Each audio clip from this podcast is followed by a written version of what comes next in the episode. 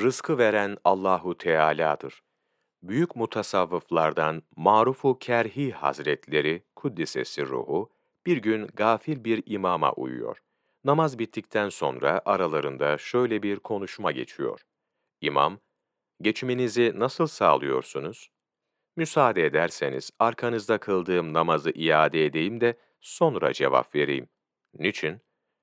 Rızık konusunda tereddütü olanlar, Allahu Teala'nın varlığı hakkında da şüpheye düşebilirler. Cenab-ı Hakk'a kamil iman hususunda görülen eksiklik, namazın iade edilmesi için gerekçedir.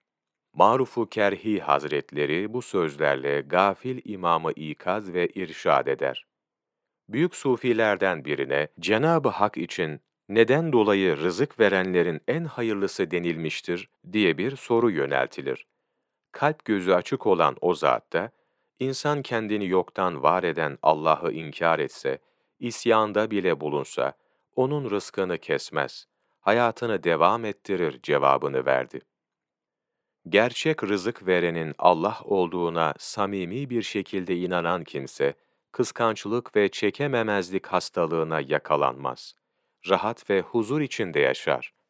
Asma-i rahmetullahi aleyh, bir gün tam 120 yaşında bir ihtiyarla karşılaşır, bu uzun ömrü neye borçlusun diye sorar. Tecrübeli ihtiyar iki kelimeyle cevap verir. Hasedi terk ettim. Dursun Gürlek, Tebessüm ve Tefekkür, sayfa 61 Bir mecelle kaidesi öğrenelim. Bir şeyin bulunduğu hal üzere kalması asıldır. Bir şey bir zamanda ne hal üzere bulunmuş ise, o halin değiştiğine delil olmadıkça, o şeyin bulunduğu hal üzere kaldığına hükmolunur. Misal, kayıp kişinin öldüğü ispatlanana kadar hayatta olduğu kabul edilir ve nikah vesaire gibi akitleri devam eder. Mevlana Takvimi.com 21 Aralık Mevlana Takvimi